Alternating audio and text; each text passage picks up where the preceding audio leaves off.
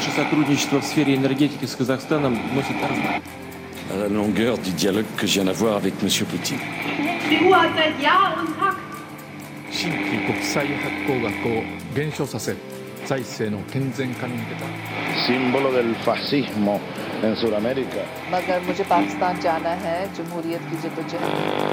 En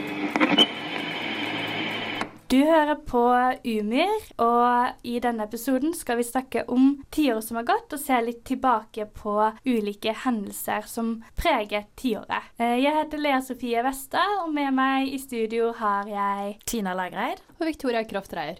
Vi skal videre i sendingen bl.a. se på glemte saker, og også innom klimakrisen og terror som har skjedd det siste tiåret. Se me sanciona porque convoco a elecciones generales para que el pueblo vote libremente y elija una institución como la Asamblea Nacional Constituyente. Forstår du ikke hva Venezuelas president Nicolas Maduro sier her? Frykt ikke, for utenriksmagasinet MIR rapporterer på hele Latin-Amerika og resten av verden, slik at du kan få med deg de viktigste utenriksnyhetene. Tina, hva er det du husker fra det siste året, så tiåret som har gått? En av de sakene jeg tror kanskje jeg husker best, er den arabiske vår. Den starta jo egentlig i 2010 med den grønnsakshandleren som satte fyr på seg selv i Tunisia, og som bare utløste en hel rekke protester i Midtøsten og Nord-Afrika. Ja, det er vel egentlig den arabiske vår jeg også husker best, fordi det var egentlig det som gjorde at jeg fikk en veldig stor interesse for Midtøsten og hva som skjedde i den regionen. Og det var jo ja, ja, det sitter skikkelig i meg, det som skjedde da. Jeg husker jeg fulgte med på nyhetene om hvordan liksom, disse protestene spredte seg fra Tunisia til Egypt til Libya, og hvordan det hadde mye å si da, for hele Ja. befolkningen i de ulike landene. Jeg husker det veldig godt med særlig Egypt, Gaddafi, og hvordan han ble kuppet. Eh, og den da frihetskampen der vi så, og demokrati og Det har jo formet den arabiske verden slik den er i dag, da. Absolutt. Og med alle de på en måte menneskene som deltok, hvor store protestene var. og Jeg, jeg syns det var fint å se mennesker kjempe for en bedre hverdag for seg selv. Det som er litt trist med hele situasjonen, var at den arabiske vår hadde jo store konsekvenser, og det var mye som skjedde på kort tid. Men senere så har jo egentlig ikke så veldig mange land hatt så mye ut av det. Det er vel egentlig bare Tunisia som beveget seg mot noe man kan kalle demokrati i senere tid, mens de andre landene har vel dessverre beveget seg til nye autoritære regimer. Ja, eller, mi- eller militærstater Mm. som i Egypt, da. Ja. Men de viste jo samtidig at de, at de kan. Og det er jo det jeg på en måte sitter litt igjen med med den arabiske vår. Sånn, så klart trist at ikke det gikk eh, hele veien for alle land. Men det at man viste en sånn folkeånd Ja, jeg synes det, det er det jeg sitter igjen med, da. Og det de protesterte mot, var liksom det vi fikk inntrykk av i Vesten, var at de ville ha demokrati, men det var vel kanskje ikke nødvendigvis det de ønsket. De ønsket å styrte det regimet som stat, satt da. Og det er jo ikke nødvendigvis at de ønsker et vestlig demokrati, men at de ønsket et annen styreform. Så det er derfor veldig mange tenker at det var mislykket, men for mange så var det ikke nødvendigvis det som skjedde i ettertid, så mislykket for dem. Men også husker jeg jo veldig godt eh, da Osama bin Laden døde. Ja, det husker jeg også. Det var jo like før 22. juli. Og jeg husker jeg tenkte noen dager før 22. juli at oi, shit, nå kommer vi i Norge sikkert til å bli hevnet for dette her. Fordi vi er jo også et Nato-land. første jeg tenkte, det var at dette her er Al Qaida som skal hevne seg. Men det viste seg jo at det ikke stemte, da. Men det tror jeg også veldig mange tenkte, fordi eh, når man fulgte med på nyhetene, så var det jo i begynnelsen utsagn om at dette var Al Qaida, eller at de snart skulle ta på seg skylda, og vi bare satt og venta. Og det forma jo veldig vår tidlige tanke om det terrorangrepet. Og så ser man, jo- Vi kan jo se, egentlig oppsummere 2011. Alt dette her skjedde i 2011. Arabiske vår, drapet på Osama bin Laden og 22. juli. Så vi kan jo si at det var et eh, år fullt av vonde opplevelser. Ja, Men jeg tenker jo litt sånn med Dessverre. Osama bin. Laden og at han ble drept, og hvordan vi i Vesten så på det som eh, en seier. Men i ettertid så vet jeg ikke helt om det var en seier, fordi IS ble jo ganske mer fremadtonende etter hans død. Og det har jo vært verre enn det vi har sett tidligere. Man kan jo si, Det er mange som mener at IS har røtter i Al Qaida, og fremveksten av IS skjedde jo i 2014. Så mye Mm. av dette formet seg som en egentlig mer radikal og ekstrem gruppe av Al Qaida, ble jo da IS. Ikke sant? En annen ting som har vært eh, virkelig med å prege dette politiske tiåret, er jo brexit, Victoria. Ja, eh, folk er vel kanskje litt lei av brexit, men eh, folkeavstemningen skjedde jo i 2016. Så det har jo vært nå helt fram til nå i 2020, hvor vi fortsatt ikke er ute av EU. Så man kan jo egentlig si at vi har snakket nok om det her i Umir. Men Ja. Storbritannia skal ut av EU i hvert fall. Og det vil ha store konsekvenser for alle landene som er med i EU, siden Storbritannia er en veldig viktig del av EU. Men så må vi ikke glemme at i 2016 så ble også Trump valgt som president. Ja, det var jo en sak for seg selv. Det hadde jo ikke de fleste regna med. Det har jo vært snakk om eh, hvor reelt var den seieren han fikk, da. Med antall stemmer han fikk mot eh, Hillary. Og det var jo et sjokk å våkne dagen etterpå, da. Og Mm. Vite at uh, det var USA hadde fått en tulling til president. Det, det er jo ikke så kult. Og han har jo på en måte gjort så mye galt og i ettertid og Nei, det, det syns jeg jo på en måte er en uh, stor flause i det politiske tiåret. Ja, og det har, han har jo gjennomført historiske skattekutt i USA og gjort helt, meldt seg ut av Parisavtalen og holdt ja, Han har gjort mye spesielt, da. Absolutt. Så det, det er jo egentlig det vi forventet når eh, han ble president, men det har vært Twitter-meldingene hans ikke sant? De siste årene har jo vært preget av mye spesielt som kommer ut av munnen hans, men jeg føler egentlig at vi har blitt så vant til det. Så det er egentlig ingen som reagerer så mye på de rasistiske utsagnene hans og sånn. det syns jeg egentlig er litt farlig. Ja, det er det. Det har blitt sånn at ja, det er Trump, det er, Ja. det er greit. Men det er jo ikke greit at han er en rasist mot me- meksikanere, f.eks. Sitter verdens mektigste mann og mener helt syke ting i offentligheten, og folk bare aksepterer det fordi sånn er det. Det er han. Men det, det blir jo så smålig òg, tenker jeg, sånn som vi var inne på med Twitter-meldinger, da, den han skrev eh, om Greta Thunberg, eh, hvor eh, han på en måte kritiserer henne for å være litt sur. Ja, han, men jeg, jeg, det er jo sånn typisk sånn han føler seg litt truet, så nå skal han liksom bruke litt hersketeknikk. Ja, men hvor gammel er han? Sånn, han er 70, hun er 16. 16. liksom. Har, Altså, hun vet jo jo, mer om klimakrisen enn hva han gjør. Ja, men kan jo si i hvert fall at Greta Thunberg har jo ført til store protester gjennom demonstrasjoner da, for klima dette Og tiåret. jeg tenker hun har vært veldig, eller hun er veldig viktig da, for å ha gitt et ansikt da, for klimabevegelsen. Jeg har inntrykk av at klimabevegelsen ikke har hatt det ansiktet før nå, og det var derfor det var så viktig at hun kom inn i bildet. da. Det var veldig viktig. Men liksom apropos protester, så kan vi ikke unngå å nevne alt som har skjedd i Frankrike, med de gule vestene.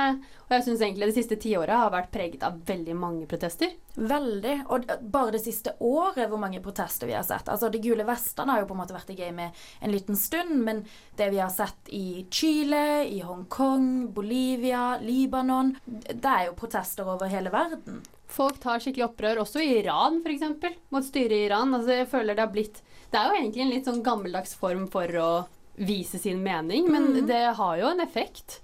Og, og det er i kontrast på en måte til metoo-bevegelsen, eller hvordan vi ser sosiale medier ha en plass i vår hva skal jeg si, samfunnskritisering, så er det veldig fint å se at vi fortsatt beholder de gamle måtene, som å marsjere i gata, protestere, eh, samles og vise at Mm. man ikke er fornøyd. Men noe av grunnen til at disse protestene også blir så enorme, er jo fordi vi har sosiale medier. Gjør at man kan mobilisere ut til mennesker Mm. på, på Facebook, Twitter, Instagram. Det er så mye måter du kan komme gjennom og mobilisere til flere. Så disse protestene vil jo da ha en større effekt nå, siden de, det blir så mange. Så det blir så ekstremt da, når Ja, man ser det utad. Og det er jo det vi har sett, at uh, sosiale medier har jo vokst så enormt de siste årene, kommet nye kanaler, og det brukes jo gjerne også i land hvor det er eksempel vanskelig å drive journalisme. At de da bruker sosiale medier, det blir et middel, da. Det så vi jo på en måte i den arabiske våren, for å gå tilbake til det, at uh, da prøvde de å stoppe sosiale medietilgang. Altså de stengte av nettet for at ikke det skulle være mulig å mobilisere seg så stort som de gjorde. Og det er jo kjempeinteressant å se hvordan et nytt verktøy har blitt tatt i bruk. Vi kunne jo snakket om dette ja, i flere timer, men vi har også vært og hørt litt hva studenter her på UB husker fra det siste tiåret. Nå skal vi høre litt på det. Så du kan mye om norsk politikk? Hva med Saudi-Arabia? Hva med UAE? Hva med Kuwait? Hva med eh, hele Latin-Amerika? Hva med hele Sør-Amerika? Hva med hele Asia? Hva med Japan? Hva med Kina? Hva med Russland? Hør på utenriksmagasinet MIR og få med deg hva som skjer i resten av verden også. Hva husker du best fra tiåret som er gått? Brexit. Det var jo en stor politisk greie, det. England ute av EU, var det ikke det? Jo. ja. Eh, jeg husker best eh, 22. juli, tror jeg. Trump. Mm.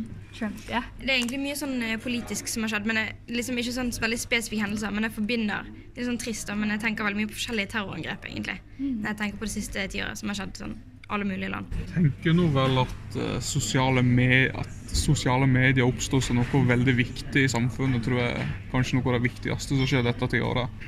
At det plutselig har blitt veldig viktig å faktisk bruke det, og at du må passe mye mer på det man uh, sier på nettet, egentlig. Det er Coop i Tyrkia, alle militære militære Coopet. Som det fortsatt er litt, eh, litt konspirasjonsteorier rundt om. At det egentlig var et falskt Coop laget ut av Erdogan. Det er jo ikke så lenge siden. Ja, også nå overgangen fra Hva het nå? Han, han som var president i, i Gambia. Overførings, av, overføring av makta der var noe som var veldig, veldig vanskelig. Han hadde jo eh,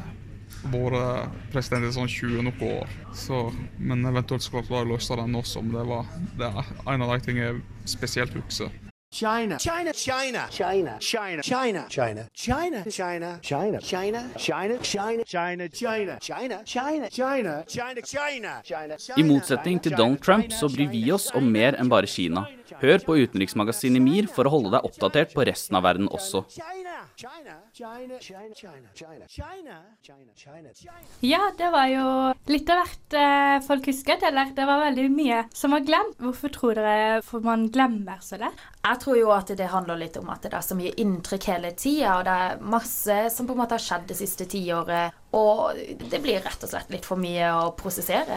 Mye av det blir egentlig bare en avisoverskrift, føler jeg. Ofte. At det blir sånn Der skjedde det. Når det er sånne kriser, mm -hmm. Og så angår det på en måte ikke deg hvis det er på andre siden av verden. Så det er så lett å glemme. Men det er jo helt grusomme ting. Bra ting. ikke sant? Man burde egentlig huske.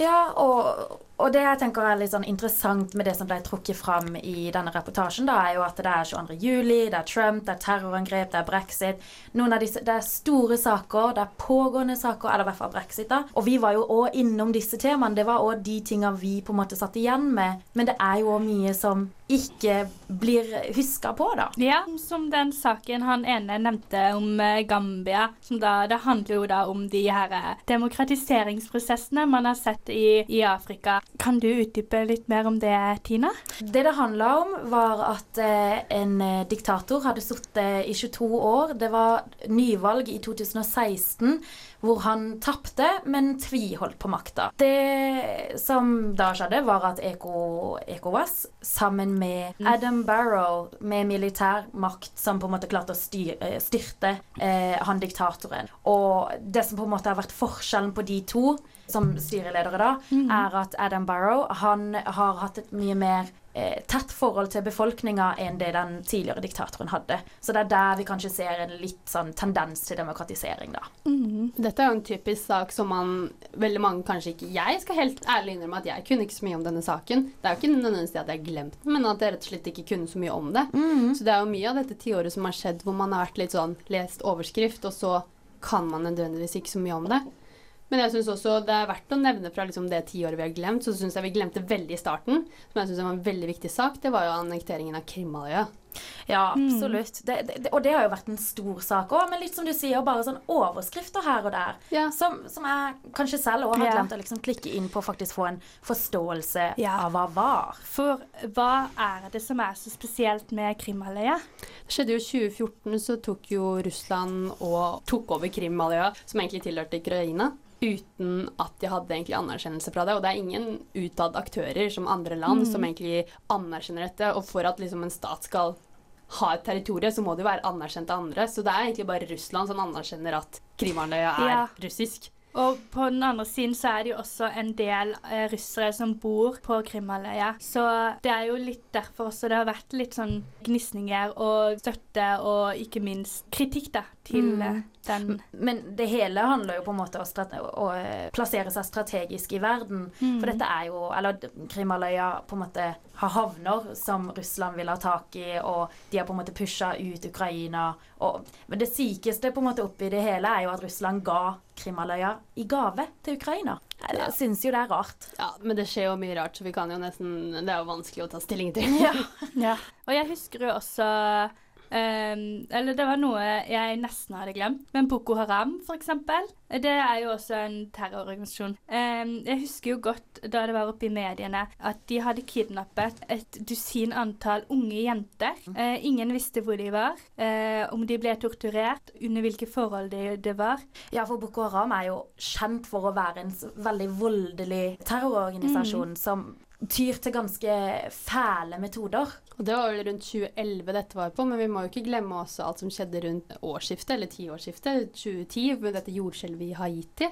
Husker dere ikke det veldig godt? Jo, ja. Der var det jo mange som døde. Ja, det var jo veldig stort skjelv. Jeg tror det var syv på Richters skala. Men problemet med Haiti og den skalaen da er jo ikke nødvendigvis at det var så stort, men Haiti var så underutvikla Mm. at det, de folkene som ble ramma, eller ikke sånn bygninger og alt som var, det, det ble jo ødelagt. Og det lå så vanskelig til òg, for mm. å få til ressurser til å bygge det opp igjen. Men det som vi har snakket om tidligere også, var jo den internasjonale samholden som skjedde etterpå. Det, var, det var jo en sånn voldsom bistandsånd. Nå skulle vi alle gå sammen for å hjelpe Haiti. Og de trengte det jo, fordi de måtte jo bygge opp eh, sin side av øya. Ja, ja, absolutt. De trengte det, helt klart. Ja. Men det var jo kjempefint å se at vi alle kunne gå sammen og, og på en måte hjelpe til, da. Det er litt gøy, du kan trekke linjer til det og Amazonas og Australia Ja. i år. Hvordan på en måte verdenssamfunnet går sammen for å bidra med ressurser for å løse sånne klimakriser. Da. At man går sammen og er med og støtter, da. det er jo utrolig flott, egentlig. Mhm. Det er jo mye man glemmer i løpet av ti, ti års tid. Videre skal vi snakke videre om eh, det vi har vært innom litt rundt eh, polariseringen vi ser i verden, og terrorangrep som kommer av den grunn. Hei, dette er forsvarsminister Ine Eriksen Søreide. Du hører på utenriksmagasinet MIR.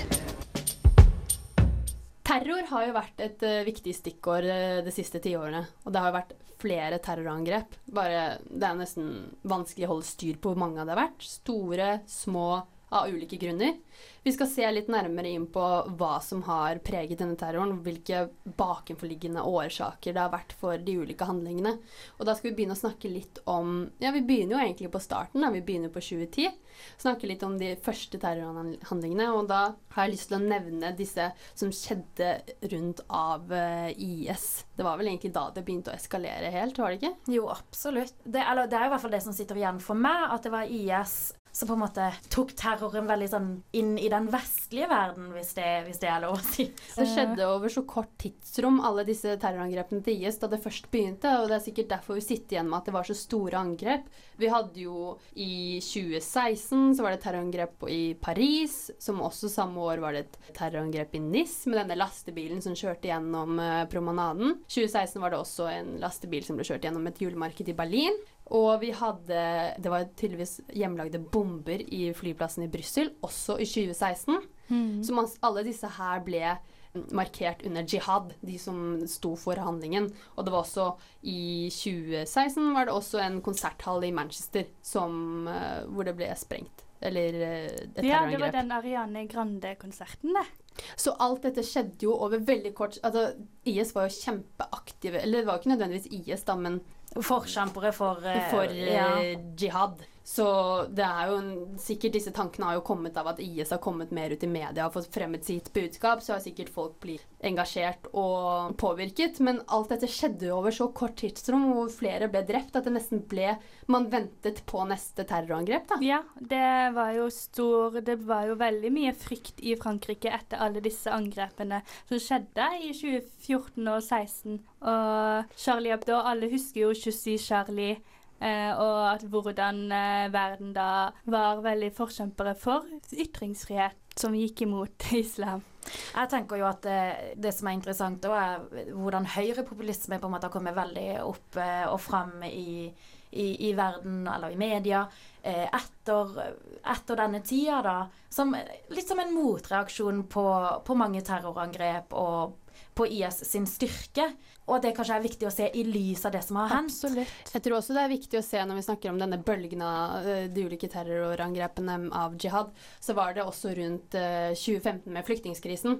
Og det er også mye av grunnen til at denne høyrepopulismen også har vokst frem. Denne fremmedfrykten av uh, flyktninger og innvandrere i takt med disse Eh, terrorangrepene har jo gjort at vi har fått denne fremveksten av høyrepopulismen, tror i hvert fall jeg. Og det ser vi jo også igjen i terrorangrepene. De siste årene to siste årene så har det jo vært flere høyreekstreme mm. terrorangrep. Vi har jo f.eks. det i, på New Zealand, eh, som var eh, mot en moské. Han skjøt muslimer i en moské. Mm. Mm. Og det skjedde jo òg i Norge. Det skjedde i Bærum i sommer. Han prøvde i hvert fall. Han fikk ja. ikke drept noen, men han han prøvde. Han, prøvde jo. Ja. ja. Og det er jo veldig skremmende.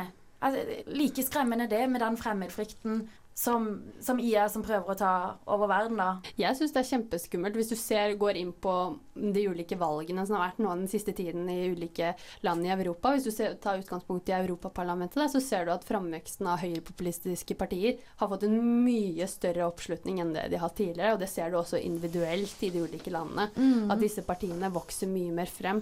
Og jeg syns det er kjempeskremmende at vi ser at samfunnet polariserer seg på denne måten. At det blir så store avstander mellom ulike mm, kulturelle mm. grupper. Da. da kan vi jo bare se til nabolandet vårt, Sverige. Hvordan på en måte Man kan snakke om svenske tilstander. Og, og f.eks. da med det sosialdemo, eh, svenske demokratene. Hvordan de kom veldig opp og fram. De fikk jo en stor eh, oppslutning i det forrige valget. Mm. Men det er, også at, det er jo et parti basert på fordommer som ikke nødvendigvis alle er enig i. Med den oppslutninga de fikk, så skulle de jo egentlig de være en del av koalisjonen i regjering. Mm. Men ingen ville jo samarbeide med dem. Så det, så det er jo en polarisering man snakker om, da. Vi ser jo disse i, i Europa så ser vi jo denne disse ytre kantene av partiene.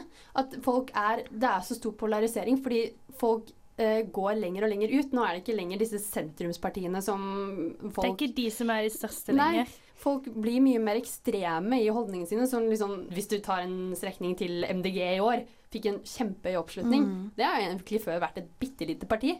Så vi ser jo nå at folk har, får veldig sterke meninger under én sak, mm. som fører at det blir kjempehøyt. Og det, det, er jo logisk nå, hvis vi ser på flyktningkrisen og ja, ja, ja. i framveksten av IS, hvis, så kom det i takt med høyrepopulisme. Ikke sant? De, alt gir mening alt i forhold til bølgene.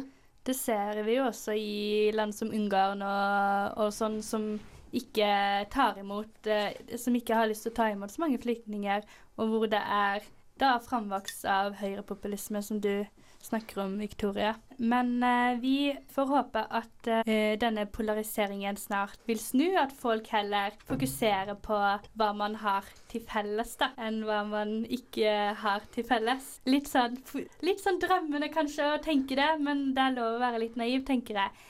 Men uh, vi skal videre snakke mer om klimakrisen og hvordan det har preget tiåret som har vært.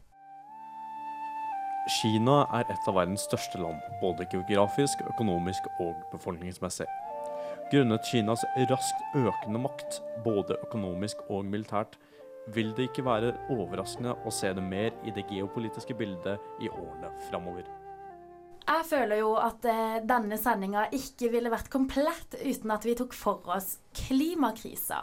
Den har jo prega dette tiåret ganske mye, vil jeg si, på en måte med at folk ikke tror på at den er menneskeskapt, eller at den er menneskeskapt, og at vi må begynne å handle nå. Så det tenker jeg vi må, vi må ta litt for oss. Vi har jo også sett eh, veldig på konsekvensene av eh, klimaendringene dette tiåret, med økende antall flommer i Bangladesh f.eks. Og det blir flere og flere klimafordrevne. Ja, jeg vil jo helt eh, garantert si at eh, klima er en kjempesentral del av dette tiåret, men du kan jo se forskjellen på viktigheten av klima i 2010 kontra hva det har blitt nå gjennom 2018-2019. At det har blitt et ekstremt fokus på det. Og da er det jo Greta Thunberg, som vi har nevnt tidligere i sendingen, skal jo ha kjempestor kred for akkurat dette her, at klima har kommet i fokus. Det er nesten blitt kult å være klimaoptimist. Men det er jo veldig fascinerende hvordan en, eh, en enkeltperson, Greta Thunberg, som setter seg utenfor uh, tinget på, i, i Sverige med skolestreik for klimatet, var at det skapte denne dominoeffekten da, med demonstrasjoner over hele verden. Ja, og det jeg også syns er veldig interessant, er jo at det, hun er en 16 år gammel jente som får til dette, som får til å, å skape fokus på noe så viktig, mens politikere, det internasjonale miljøet, ikke klarer det. Uansett hvor hardt de har prøvd med Parisavtalen eller bærekraftsmålene, så er det ei svensk jente som har fått til eh, å sette det på agendaen. Det tror jeg mye av grunnen til det er at politikere ofte ikke vil fremme upopulære saker. Og tiltak for å gjøre et bedre klima er ofte upopulært Mm. i befolkningen, fordi de tenker de vil gjøre det, men det konsekvensene blir og handlingene de må gjøre, det er noe de syns er ja, ukomfortabelt. I hvert fall nå i den vestlige verden hvor vi egentlig er blitt ganske bortskjemte. Så det tror jeg er grunnen til at ikke politikere har fremmet det så mye før, fordi rett og slett det er upopulært, og de har et eh, mål, og det er å vinne valg. Og da Ja. må de jo ha høyest mulig oppslutning. Mm. Så det må nesten være en utenforstående som Greta Thunberg som lager dette engasjementet, for hun har på en måte ikke noe sak å vinne eh, sånn sett. Hun har bare ett mål, og det er at folk skal bli opplyste. Så det er egentlig vært, hun har egentlig vært den perfekte personen for dette. Ikke sant? Men hun har jo også blitt kritisert for at hun på en måte er en, nok en eh, hvit person eh, som kommer fra et rikt land, som på en måte skal peke finger. Og, og det tenker jeg er jo veldig interessant, fordi det vi egentlig må gjøre for å redde kloden, hvis du vil, er jo å skape en samfunnsendring. Og den må skje på et politisk nivå. Politikere vil ikke ta for seg dette fordi de er redd for å miste stemmer, men de må jo. Og så, i lys av det får man da klimakvoter. Som jeg kan helt ærlig talt si at jeg stiller meg kritisk til. Den opprettholder bare det at rike land kan fortsette å gjøre som de gjør, ved at de kjøper opp andre lands klimakvoter. Slik at fattigere land, de, det er de som må gjøre endringer. Sånn at vestlige, rike land, de kan fortsette. Ja, og det er egentlig det som er ganske urettferdig med det hele, hvis du ser på klima som en menneskeskapt ting. Så er det jo det vestlige landet med høy eh, teknologi og industri som gjør mye av dette Mm. utslippene, som ødelegger klimaet. Og så er det den utviklingslandene som får konsekvensen av det. Det er ofte så rammer det større disse landene yeah. hvor det er fattigere befolkning, noe som er ekstremt urettferdig. Det burde jo ramme oss som har høyest utslipp, men det gjør dessverre ikke det. Nei, og det er trist at det går så heftig utover matsikkerheten i mange land. Og, og at de da må flykte fra hjemmene sine fordi de har ikke et hjem. For da her har vært en flom, så er jo spørsmålet hvorfor skal vi ikke ta imot sånne folk da, som, som ikke har et hjem pga. endringene. Ja, det er kjempeurettferdig. Men du kan jo se det må jo, måte, Denne endringen må skje i personlighetene til folk. holdt jeg på å si. Mm. Dette her må, kan ikke bare komme fra et politisk ståsted. Dette må på en måte folket ønsker. Altså Vi mennesker er kjempelett påvirkelige. Det, det er viktig at disse politiske aktørene kan på en måte være med å bidra til en, hold, en ren holdningsendring i befolkningen. For det, det er det jeg tror i hvert fall som må til for at vi i det hele tatt kan gjøre noe nå. Ja, absolutt. Og det at vi som enkeltindivider også kan gjøre vårt, da. Enten det kommer til eh, hvordan vi er bevisst på enten det vi spiser, eller eh, vår kjøpekraft. Men det jeg tror problemet er da, er jo at man ser jo at folk er villige til å gjøre, til å gjøre endringer i sine liv. Men det blir ikke stort nok. Du trenger òg at industrien, at økonomien, at alle disse store sektorene er med på det hele. Fordi enkeltfamilier eller enkeltpersoner, de, de, de kan ikke ta hele byrden. Ikke sant? Det er jo sånn Man må alle gjøre sitt. Det som må skje, er jo at vi endrer, eh, alle endrer sin holdning, sånn at vi ønsker partier som eh, skal forme disse reguleringene Mm. og reformene, slik at vi kan få igjen de store, store tingene som kan redde klimaet. Og det krever jo at folk snur på meninger. da. Det krever at folk er med. Tiåret 2010 til eh, 2020 har vært et innholdsrikt tiår. Det har vært mye som har skjedd, og vi har langt fra kommet gjennom alt. Det, det har man ikke tid til. Sånn er det bare. Men vi runder av for denne gang. Eh, Mitt navn er Lea Sofie Westad, og med meg i studiet har hatt Tina Legreid og Victoria Kraft Dreyer. Det som er essensen, er at det, altså det, det er realøkonomien som betyr noe. Det, det, det er ikke, og penger er bare en illusjon. Eh, altså det, det som virkelig skjer det er at jeg er en professor i økonomi. Finn de gode poengene. Utenriksmagasinet MIR.